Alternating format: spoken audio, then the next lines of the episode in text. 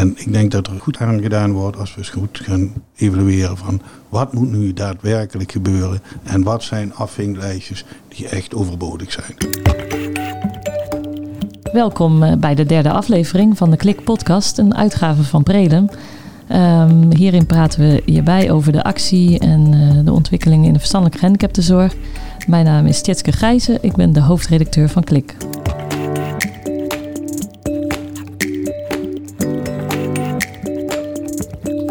Welkom, leuk dat je luistert. Uh, vandaag hebben we het over uh, de regeldruk en de administratieve lasten in de verstandelijke gehandicaptenzorg. We praten hierover met uh, Henk Haanraads van Dichterbij en Bert Impelmans van Daalzicht. Zij zijn beide voorzitter van de ondernemingsraden van deze grote zorgorganisaties voor mensen met een verstandelijke beperking. En zijn een actie gestart, een petitie met een manifest daarbij wij willen gezien worden.nl.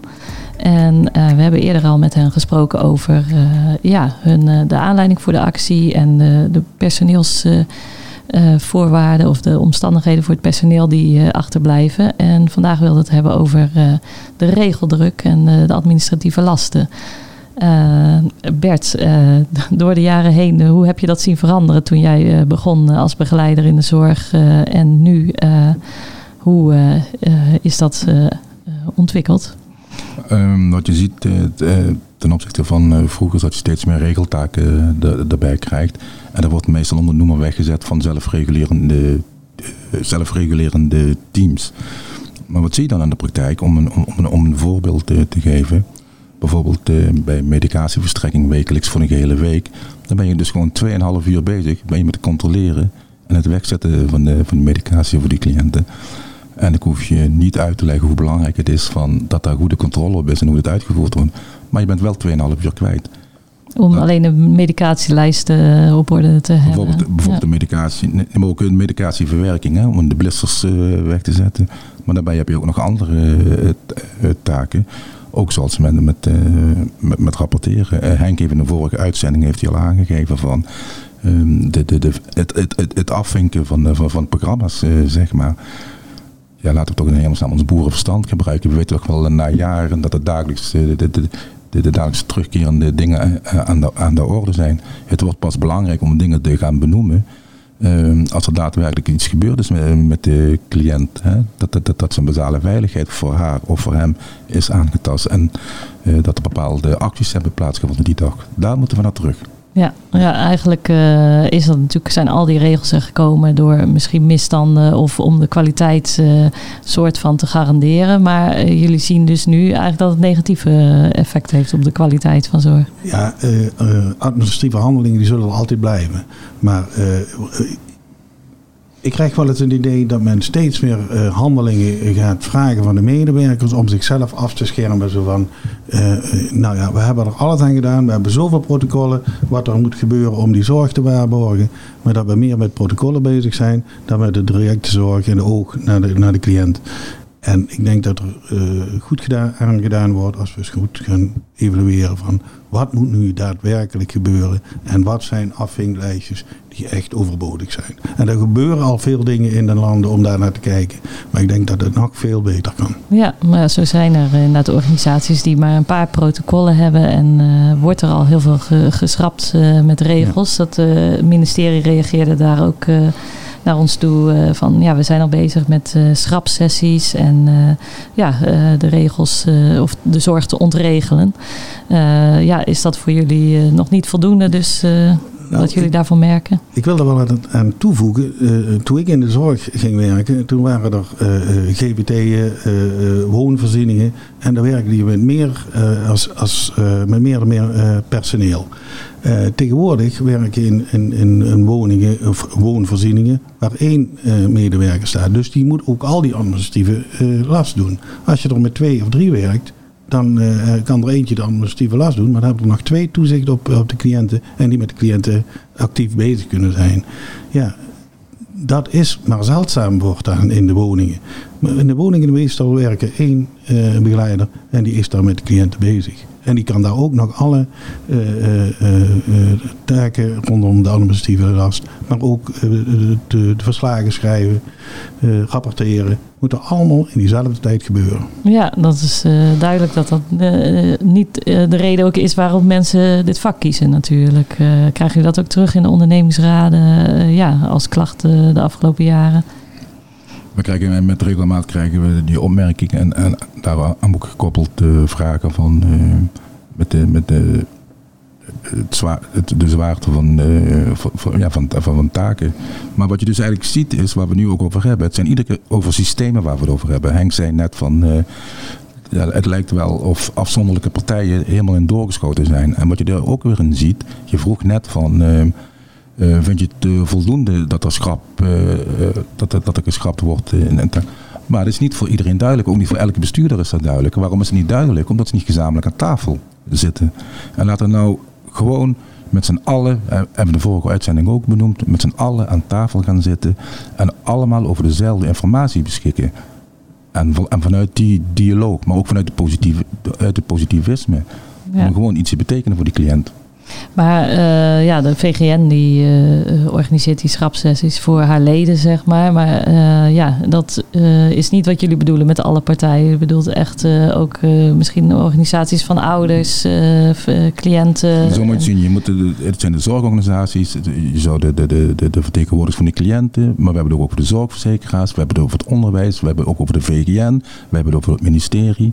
Dat daar een afvaring is dat die gezamenlijk aan tafel gaan zitten. Vakbonden niet te vergeten. En heel goed denk, en ook de vakbonden niet te vergeten. Ja, ja. Maar wel vanuit de dialoog.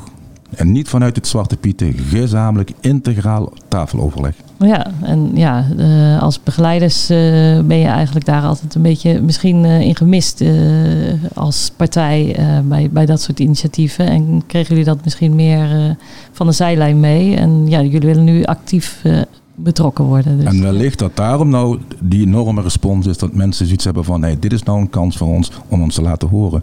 Want er zijn heel veel mensen die nu uh, uh, gereageerd hebben en die ondertekend hebben, die normaliter uh, nergens terecht kunnen met een opmerking of een aanmerking. Die aan geen enkele tafel zitten om invloed uit te oefenen op, op, op die verandering op mogelijke veranderingen in, in de gehandicaptenzorg. Ja, dat is misschien uh, het lastige geweest eigenlijk de afgelopen jaren voor begeleiders. Uh, hebben natuurlijk wel uh, ja, kritische geluiden gehoord. Maar ja, dat ze daarvoor ja, ook misschien niet de ruimte hadden om zich te organiseren en ja, een, een, soort tegenbeweging te maken. Maar die beweging willen jullie nu dus wel starten. Nou, het, het, blijft, het blijft vaak hangen. Uh, wij vertegenwoordigen de medewerkers binnen onze organisatie. Je hebt een cliëntenraad die vertegenwoordigt de cliënten binnen een organisatie. Maar dat, dat heeft geen effect op het, op landelijk niveau. En er zal ook een, een landelijke eh, cliëntenvereniging zijn. Maar wat de invloed is en waar zij aan tafel zitten, is maar of ze met alle partijen kunnen praten. En dan is het ook weer een beperkt aantal partijen waar uh, invloed op kunnen oefenen. En dat, dat willen wij graag doorbreken door alle partijen aan de tafel te krijgen. Ja, en ook bijvoorbeeld zorgkantoren over, ja, als je het hebt over regelgeving, uh, zijn natuurlijk ook een sterke speler uh, in geworden. Uh, en daarom waren wij ook zo verheugd dat wij woensdag 28 augustus in de ochtend waren uitgenodigd door de VGN. En dan kan ik wel stellen dat we daar een, een heel goed en open gesprek hebben gevoerd. Waar we in ook gezamenlijk zorgpunten erkend hebben. En eh, dat we ook afgesproken hebben dat er een voortzetting gaat plaatsvinden. En vanuit het positivisme en vanuit het integrale overleg. Ja, ja want uh, ja, dat is voor jullie instekers niet zozeer we gaan de strijd aan, maar uh, positief aanpakken van uh, ja, de regeldruk en de andere problemen door samen te kijken naar oplossingen. Dus. En zo hopen we ook bij de vakbonden aan tafel te mogen aansluiten om hetzelfde te bereiken. Ja. Kijk, wat wij, wat wij willen op een gegeven moment, hadden Henk en ik hebben gezegd van wij moeten onze verantwoordelijkheid nemen. Als, als, als, als, als uh, OR. Het gaat niet alleen over je eigen organisatie, maar het gaat ook over het landelijke. Want het heeft, het, het heeft gewoon uh, direct uh, gevolgen. Heeft het. Ja, maar uh, als je kijkt naar de hele systematiek, uh, is, is de zorg eigenlijk uh, naar jullie idee te zakelijk geworden of te veel geregeld? Omdat je aangeeft, het is zo'n groot administratief gebeuren nu. Zien jullie daar ook veranderingen in die nodig zijn om, om de hele ja, systeem misschien te veranderen? Of is het nog niet zo drastisch nodig? Ik, ik denk als je met, integraal met elkaar in, in gesprek gaat en, en buiten de box gaat denken en, en, met elkaar gaat kijken van wat is nou daadwerkelijk nodig om die, die gehandicaptenzorg goed weer op de kaart te zetten. En wat is de vraag? een klein voorbeeldje. Ik vraag me af of ouders vragen om een, een, een jaarlijks verslag van, van, van 50 pagina's. Ik geloof daar niet in, dat ouders. Want die lezen dat. Ik geloof niet dat die dat allemaal letterlijk gaan lezen. Die willen weten of er goede zorg geleverd wordt eh, aan, aan hun zoon of dochter. En daar willen ze het over hebben. En dat hoeft niet in 50 pagina's meer te, geven, eh, te, te worden, denk ik. Ja, En als je met alle partijen aan tafel zit, dan kun je de verzet voor kleine zaken gewoon hebben en daar kun je veranderingen in maken. En wij willen hierin dus uh, proactief zijn en willen niet reactief zijn zoals wat heeft plaatsgevonden in de ouderenzorg en de jeugdzorg. daar werd ook al jarenlang werd aangegeven van welke problematieken er waren. Er is toen uh, niet op geacteerd.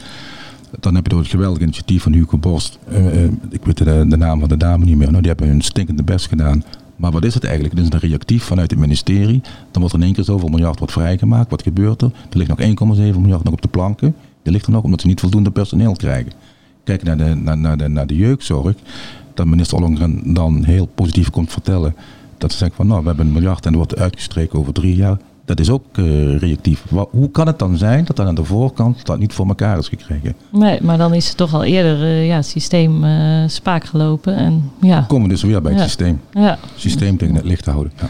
ja. En volgens mij volgens mij werkt iedereen vanuit zijn eigen systeem. En moet je dat eens een keer loslaten en kijken van wat is, wat is er nu daadwerkelijk nodig? Ja. En wat voor systemen hebben we daarbij nodig om dat goed te doen? Ja, en, het systeem van gezond verstand uh, noemden jullie al in een eerdere boeren, aflevering. Boeren, boerenverstand, ja. ja boerenverstand, ja. ja. Dus het is niet uh, uh, meer te ingewikkeld doen met dikke rapportages en plannen. Maar ja, eigenlijk gewoon kijken, ja, wat, wat wil iemand die zorg nodig heeft en de ouders of familie, wat vinden zij belangrijk?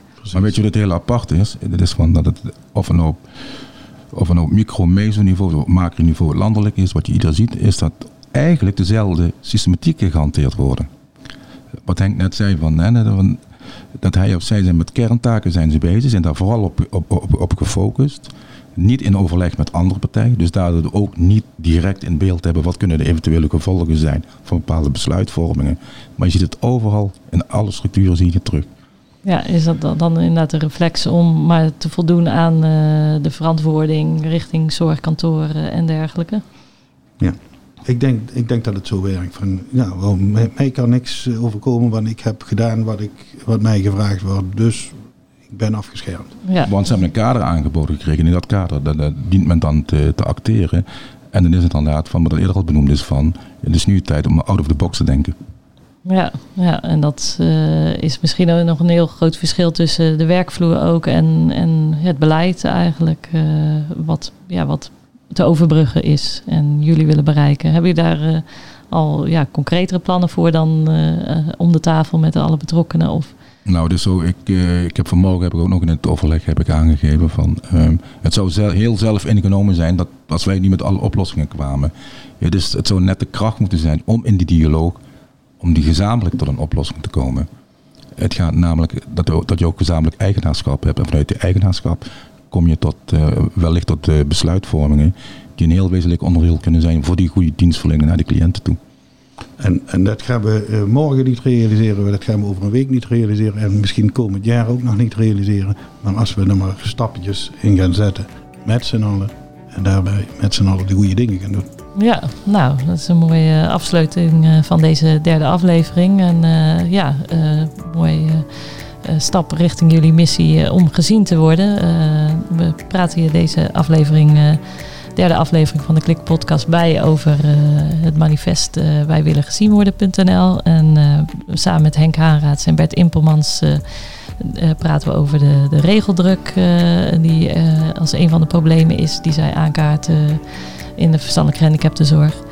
Uh, we zijn benieuwd naar jullie feedback en uh, ervaring hiermee. Uh, dat kan via redactie.klik.org en door te reageren en te abonneren op ons kanaal. Zo volg je ook weer de nieuwe afleveringen. Het is belangrijk dat we dit werk kunnen blijven doen Dus daarom moeten we nu handelen. Zinvol werk, leuk werk, leuk wonen, dat is belangrijk en dat moeten we in stand houden.